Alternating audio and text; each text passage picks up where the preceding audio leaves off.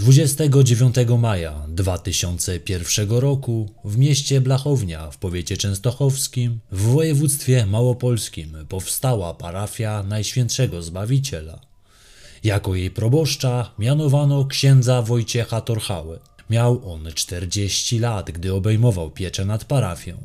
Kapłan potrafił przyciągnąć do kościoła wiernych. Uczył religii w szkole, propagował sport i turystykę. Jak w każdym kościele potrzebni byli ministranci do posługi przy ceremonii mszy. Jako pierwszy zgłosił się Dawid. Chłopak miał 11 lat.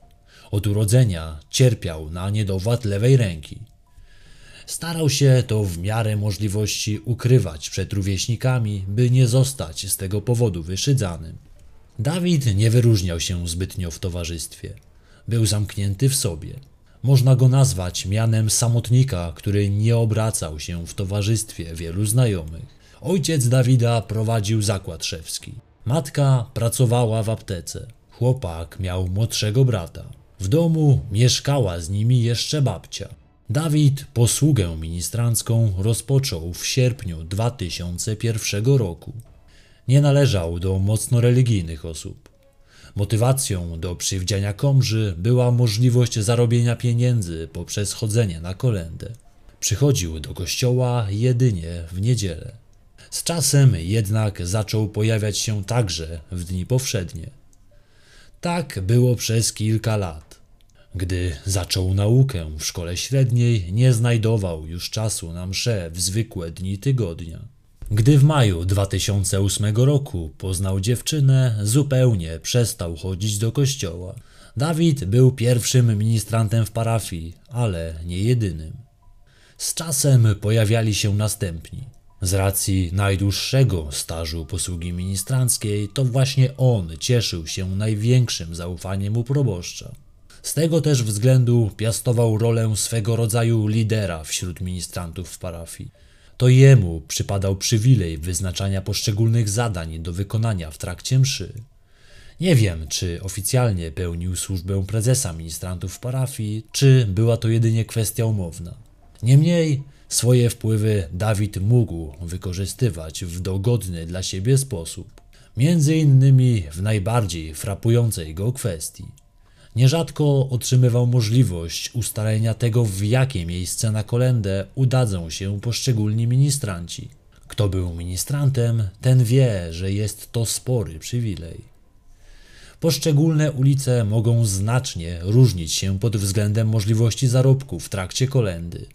Jako, że Dawid sprawował służbę najdłużej, to doskonale wiedział, na jakie ulice chciał chodzić. Właśnie w takie miejsca się wybierał. Pozostałym ministrantom pozostawiał mniej atrakcyjne kolendy. Tym samym dochodziło do kłótni między nim a pozostałymi. Niektórzy rezygnowali ze służby, nie mogąc zaakceptować despotycznie zachowującego się Dawida. Kontakty chłopaka z księdzem nie ograniczały się jedynie do kościoła. Cała rodzina Dawida złapała dobry kontakt z duchownym. Kilka razy w ciągu roku zapraszany był przez nich na obiad czy kolację. Ksiądz Wojciech Torchała przez ministrantów postrzegany był jako osoba skryta i zamknięta w sobie. Jednak był lubiany. Żaden z chłopaków nie skarżył się na niego. W 2008 roku 21 sierpnia o godzinie 17 kapłan powinien odprawić mszę. O godzinie 16.45 nadal nie pojawiał się w kościele. Wówczas Barbara, która sprawowała funkcję swego rodzaju gosposi proboszcza, postanowiła udać się na strych kościoła. Tam usytuowane było mieszkanie księdza. Kobieta obawiała się, że mogło mu się coś stać. Wiedziała, że brał on leki na nadciśnienie. Bała się, że mógł dostać udaru bądź wylewu. Gdy jednak weszła do mieszkania, dokonała makabrycznego odkrycia. Wewnątrz leżało ciało księdza Wojciecha. Nie było wątpliwości, że został on zamordowany. Kobieta z krzykiem zbiegła na dół, by poinformować zebranych wiernych o tym, co się stało. Powiadomione zostało pogotowie. Lekarze zawiadomili policję. Ta niezwłocznie pojawiła się na miejscu. Dokonano oględzin miejsca zbrodni. Panował tam ogromny nieład.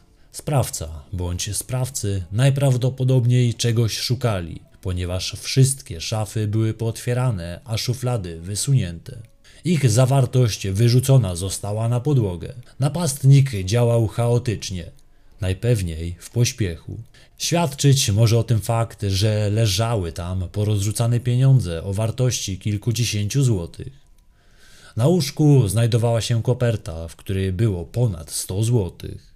Odnaleziono także portfel księdza, a w nim 450 złotych w gotówce.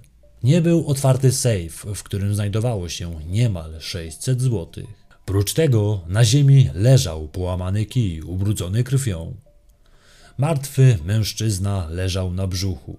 Śmierć nastąpiła w wyniku licznych ran zadanych ostrym narzędziem, najprawdopodobniej nożem. Łącznie było ich około 35. Miało tu zatem miejsce tak zwane nadzabijanie. Mogło to sugerować, że sprawca był emocjonalnie związany ze swoją ofiarą. Czy tak było? Ksiądz Torchała był myśliwym. Miał w swoim mieszkaniu broń. Najpewniej użyłby jej do obrony, wiedząc, że wewnątrz pojawił się intruz. Nie było śladów włamania. Zatem zabójca lub zabójcy zostali wpuszczeni do środka lub drzwi były otwarte. W tym pierwszym przypadku należało przypuszczać, że ofiara znała swojego oprawcę lub oprawców. Takie właśnie były wstępne ustalenia i takiego też zdania byli mieszkańcy Blachowni. Kto był odpowiedzialny za tę zbrodnię i jaki był jej motyw? Do śledczych należało ustalenie prawdy. 22 sierpnia, czyli dzień po odnalezieniu ciała księdza Wojciecha, dokonano przeszukania w mieszkaniu niespełna 18-letniego ministranta, Dawida M. Sprawdzono jedynie pokój chłopaka. Nie udało się tego dnia znaleźć na miejscu żadnych dowodów. To on, jako jedna z ostatnich osób, widziany był z księdzem i być może mógł posiadać informacje dotyczące ostatnich godzin jego życia. Zaprzeczał, jakoby wiedział cokolwiek na temat wydarzeń z wieczoru 20 sierpnia, bo wtedy zginąć miał kapłan. Na tym wizyta funkcjonariuszy w jego domu się zakończyła. Jednak już kolejnego dnia funkcjonariusze ponownie zapukali do drzwi mieszkania rodziny M. Nastolatek został wtedy zatrzymany. Ponownie dokonano przeszukania. Tym razem w całym jednak domu. Było to 23 sierpnia. W czasie, gdy odbywał się uroczysty pogrzeb zasłużonego proboszcza, jego najbardziej zaufany ministrant jechał skuty kajdankami na komendę. Tam Dawid został przesłuchany. Jeszcze tego samego dnia przyznał się, że to on stał za zabójstwem księdza Wojciecha. Wskazał, gdzie schował narzędzie zbrodni, a także rzeczy, w które ubrany był feralnego dnia. Na nich znajdowały się ślady krwi. Jak później ustalono, należały one do zamordowanego kapłana. Znajdowały się tam także plamy z krwi należącej do Dawida. Nie było wątpliwości, że ubrania należały właśnie do niego. Były to przytłaczające dowody na to, że nastolatek był faktycznym sprawcą zbrodni. Zbadanie kolejnych dowodów tylko umocniło śledczych w tym, że zabójcą był właśnie Dawid. Dlaczego ministrant dopuścił się tej zbrodni? By poznać przyczynę, należy się przyjrzeć ostatnim miesiącom w życiu Dawida, zanim dokonał zabójstwa. Dawid w roku 2008 miał 18 lat. Uczęszczał do prywatnego katolickiego liceum imienia Matki Bożej Jasnogórskiej w Częstochowie. Za każdy miesiąc nauki w tej szkole uczniowie musieli płacić 370 zł czesnego.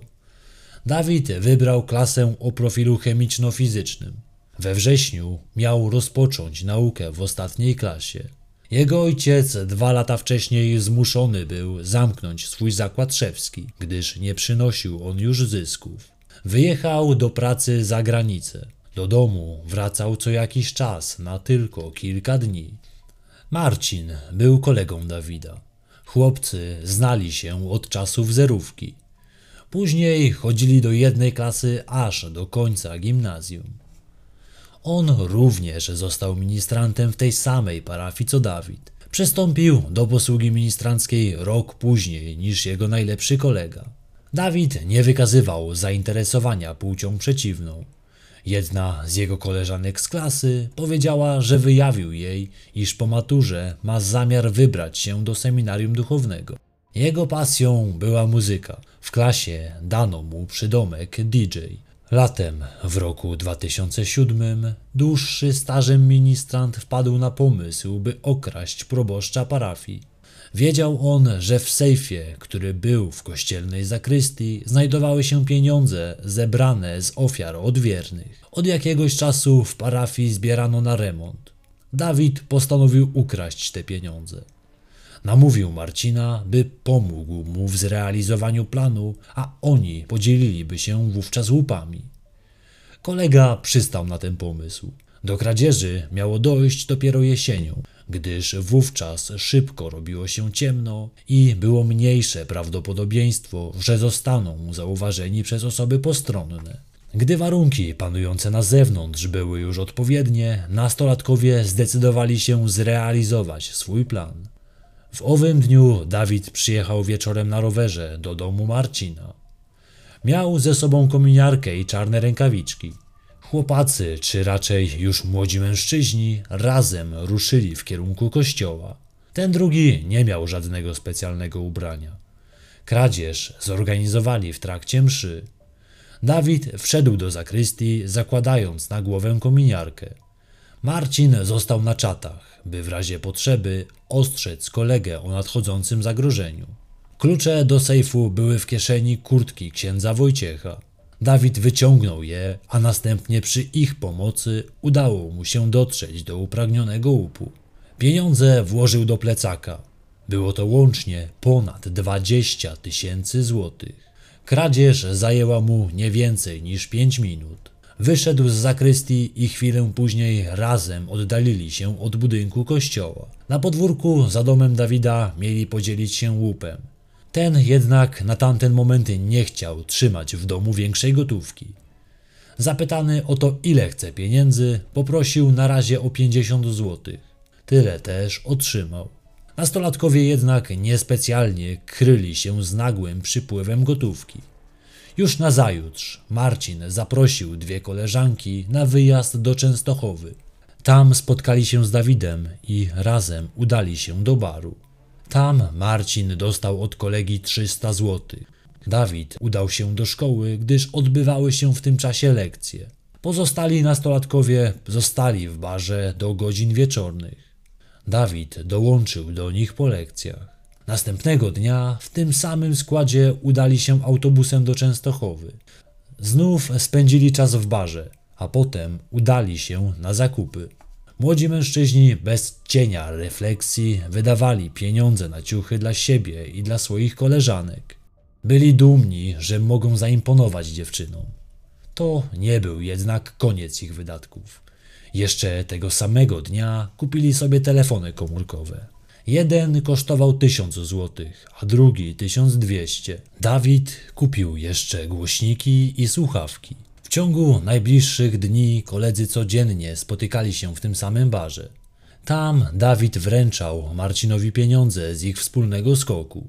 Łącznie otrzymał od niego ponad 6 tysięcy złotych. Sobie natomiast Dawid kupił mikser audio, który potem wykorzystywał do grania na dyskotekach jako DJ. Ten sprzęt kosztował go 2,5 tysiąca złotych. Ksiądz Wojciech szybko zorientował się o kradzieży pieniędzy ze zbiórki wiernych. Podejrzewał, że stać za nią mogli właśnie Dawid i Marcin.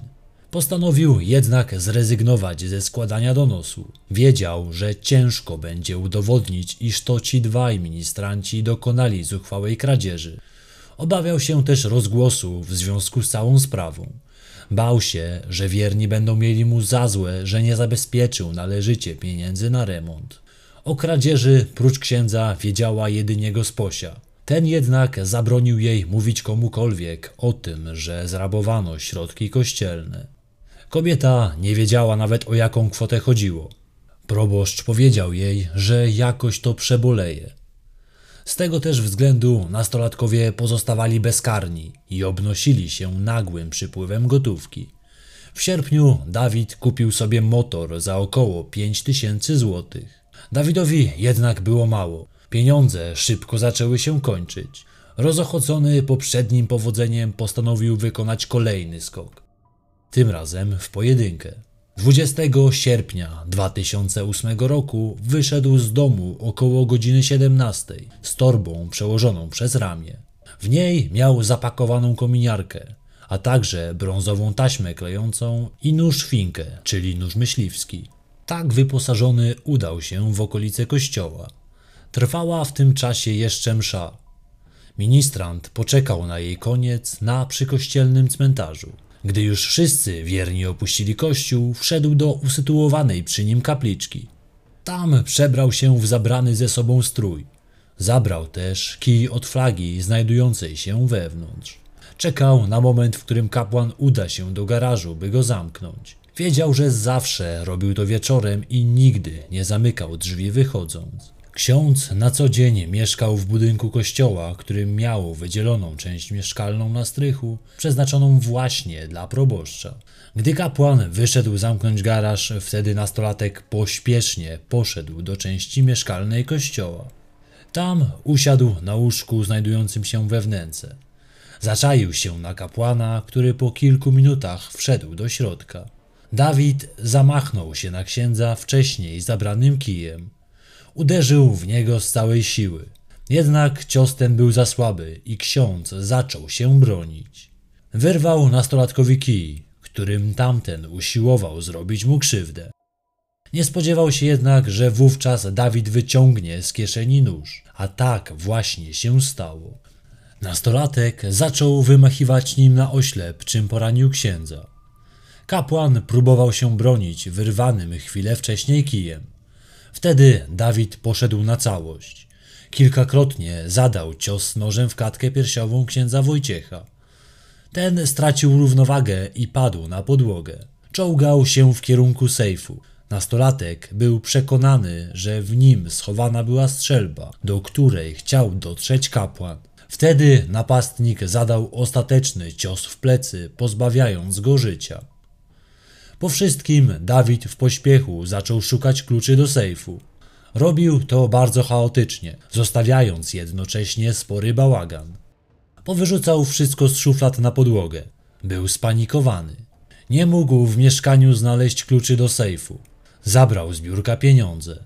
Było to ponad 600 zł, a także 5 euro. Zabrał też klucze do kościoła.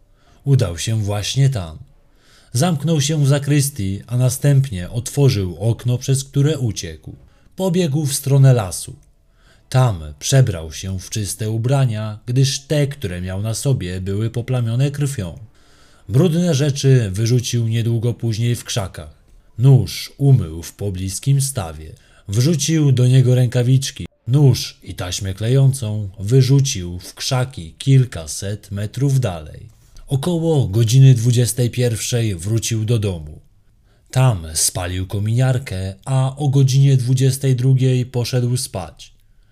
Nikomu z domowników nie powiedział o tym, co zaszło tego wieczoru.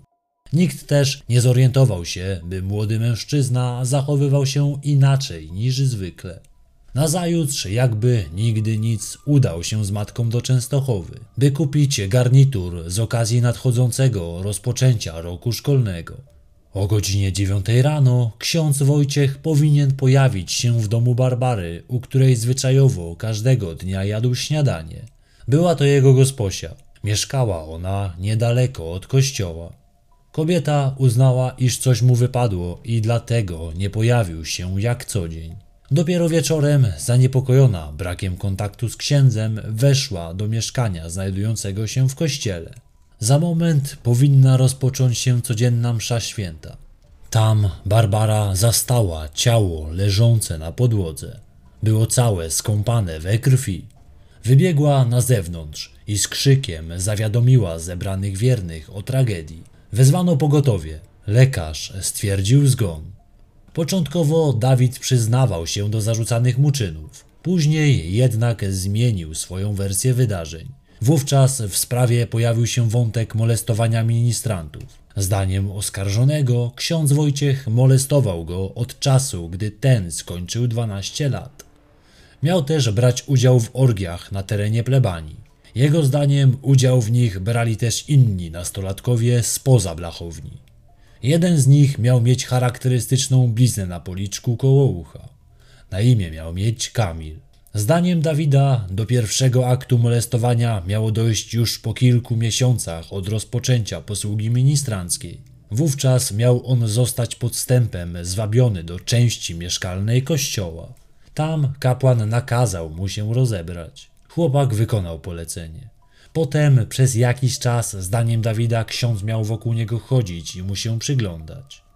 Po chwili nakazał mu się ubrać, a następnie zagroził, by nikomu nie wspominał o tym, co się wydarzyło.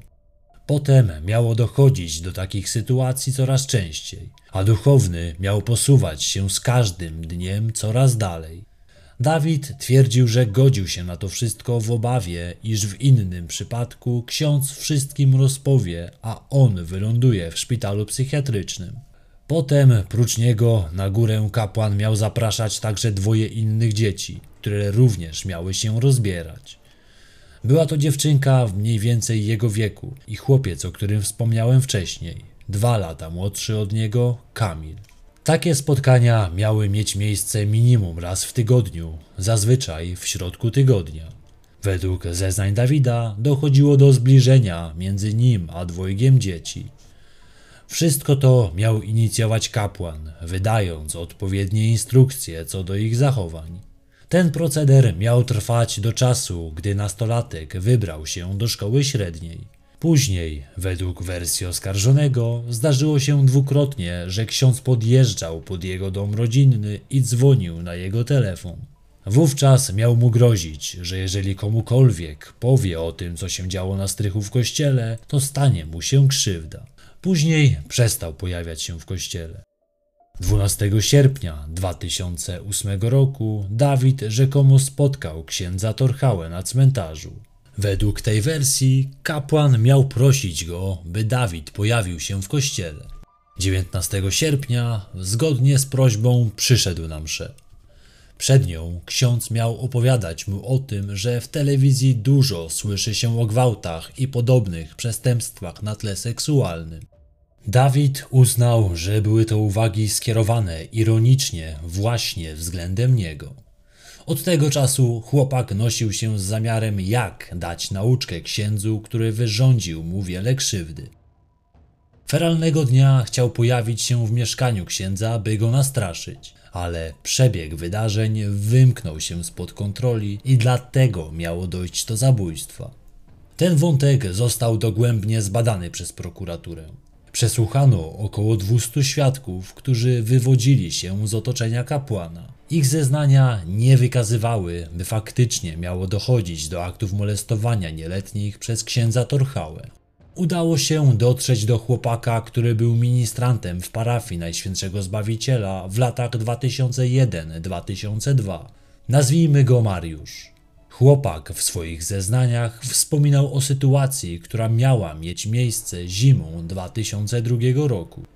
Wówczas, stojąc na przystanku autobusowym, zauważył on wychodzącego z kolektury księdza Wojciecha. Było to około godziny 13. Mariusz przyszedł do kapłana i zapytał go, czy ten podwiezie go do domu. Ksiądz się zgodził. Chłopak wsiadł do auta na miejscu pasażera. Podczas jazdy doszło do pewnej sytuacji. W pewnym momencie zbliżali się już do domu Mariusza. Wówczas kierujący autem kapłan redukował biegi, zwalniając prędkość. Gdy już się zatrzymali, zamiast położyć dłoń na kierownicy, miał położyć ją na kolanie ministranta. Ten odruchowo odepchnął rękę księdza i niechcący uderzył go w twarz. Natychmiast przeprosił i wysiadł z auta. Chłopak wrócił do domu i powiedział o tej sytuacji swojej matce. Matka powiedziała, że to nic takiego i pewnie przypadkiem doszło do takiej sytuacji. Jednak niedługo później Mariusz przestał pojawiać się w kościele w roli ministranta. Nigdy więcej nie doszło do podobnego incydentu. Sam Mariusz, składając zeznania, podkreślił, iż nie uważa, by ta sytuacja miała jakiś podtekst. Inne wrażenie odniósł, gdy do całej sytuacji doszło. Jednak wraz z wiekiem inaczej spojrzał na tę sytuację. Nigdy wcześniej nie pojawiły się żadne sygnały, które świadczyłyby o pedofilskich skłonnościach księdza Torchały. Nie było żadnej skargi, ani podczas posługi w Blachowni, ani we wcześniejszych parafiach. Nie udało się dotrzeć do dzieci, które zdaniem Dawida razem z nim miały paść ofiarami molestowania. Nie było żadnego świadka, który widziałby kiedykolwiek w mieście dzieci o wyglądzie opisanym przez oskarżonego o zabójstwo nastolatka. Sam oskarżony zbadany został przez seksuologa. Ten nie stwierdził u Dawida objawów charakterystycznych dla ofiar molestowania. W trakcie wielogodzinnych rozmów nie zaobserwowano u oskarżonego objawów stresu pourazowego. O rzekomych zdarzeniach opowiadał monotonnie, nie okazując przy tym żadnych emocji. Nie przejawiał też żadnych zaburzeń w sferze seksualnej, które charakterystyczne są dla ofiar napaści seksualnej. Wygląda zatem na to, że cały wątek z molestowaniem został wymyślony na potrzeby zbudowania linii obrony. Dawid został przebadany przez psychiatrę, który określił poziom jego inteligencji jako ponadprzeciętny. Młody mężczyzna wykazywał się cechami przywódczymi. Przejawiał skłonności do narzucania swojej woli innym. Nie wykazano, by w trakcie dokonywania zabójstwa mógł mieć ograniczoną poczytalność. Mógł zatem odpowiadać za swoje czyny. Marcin który był ministrantem tak samo jak Dawid i często razem z nim służył do mszy, nie zauważyłby kiedykolwiek jego kolega po mszy zostawał z księdzem sam na sam lub szedł do jego mieszkania na górę. Zawsze wracali do domu bezpośrednio po mszy. Nie widział także nigdy dzieci, o których wspominał Dawid, które rzekomo miały brać udział w orgiach z kapłanem. Uznano zatem, że motywem zabójstwa była chęć wzbogacenia się. Tydzień przed zabójstwem w miejscowości spustoszenie spowodowały panujące wichury. Krążyły pogłoski, że kapłan zbierał środki na pomoc w naprawie szkód wyrządzonych przez żywioł.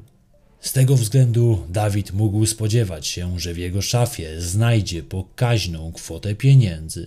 Wcześniej zrabowane środki już niemalże w całości wydał, a zbliżały się jego urodziny i przydałyby się pieniądze na imprezę z okazji ukończenia 18 roku życia.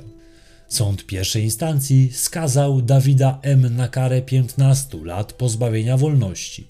O zwolnienie warunkowe będzie mógł się ubiegać po upływie 10 lat. Niski wymiar kary argumentowany był dotychczasową niekaralnością, a także dobrą opinią w środowisku i młodym wiekiem oskarżonego. Zarówno obrońcy, jak i prokurator zaskarżyli zasądzony wyrok. Obrona żądała łagodniejszego wymiaru kary. Natomiast prokuratura domagała się zwiększenia go do 25 lat. Inaczej całą sprawę ocenił sąd apelacyjny w Katowicach. Podniósł on wcześniej zasądzony wyrok. Wcześniejsza niekaralność nie została tym razem uznana za okoliczność łagodzącą. Dawidem za swoją zbrodnię usłyszał wyrok 25 lat pozbawienia wolności.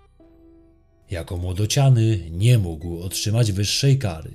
Zabójstwa dokonał zaledwie kilka dni przed swoimi osiemnastymi urodzinami. Kilka tygodni przed śmiercią ksiądz Wojciech Torchała spisał testament. Rozpoczął go od zdania. Przepraszam, jeśli zaszkodziłem któremuś z parafian. Proszę o wybaczenie. W testamencie kapłan poprosił o pochowanie go w rodzinnym Wieluniu. Swój majątek powierzył mieszkańcom parafii, w której spędził ostatnie lata życia jako proboszcz.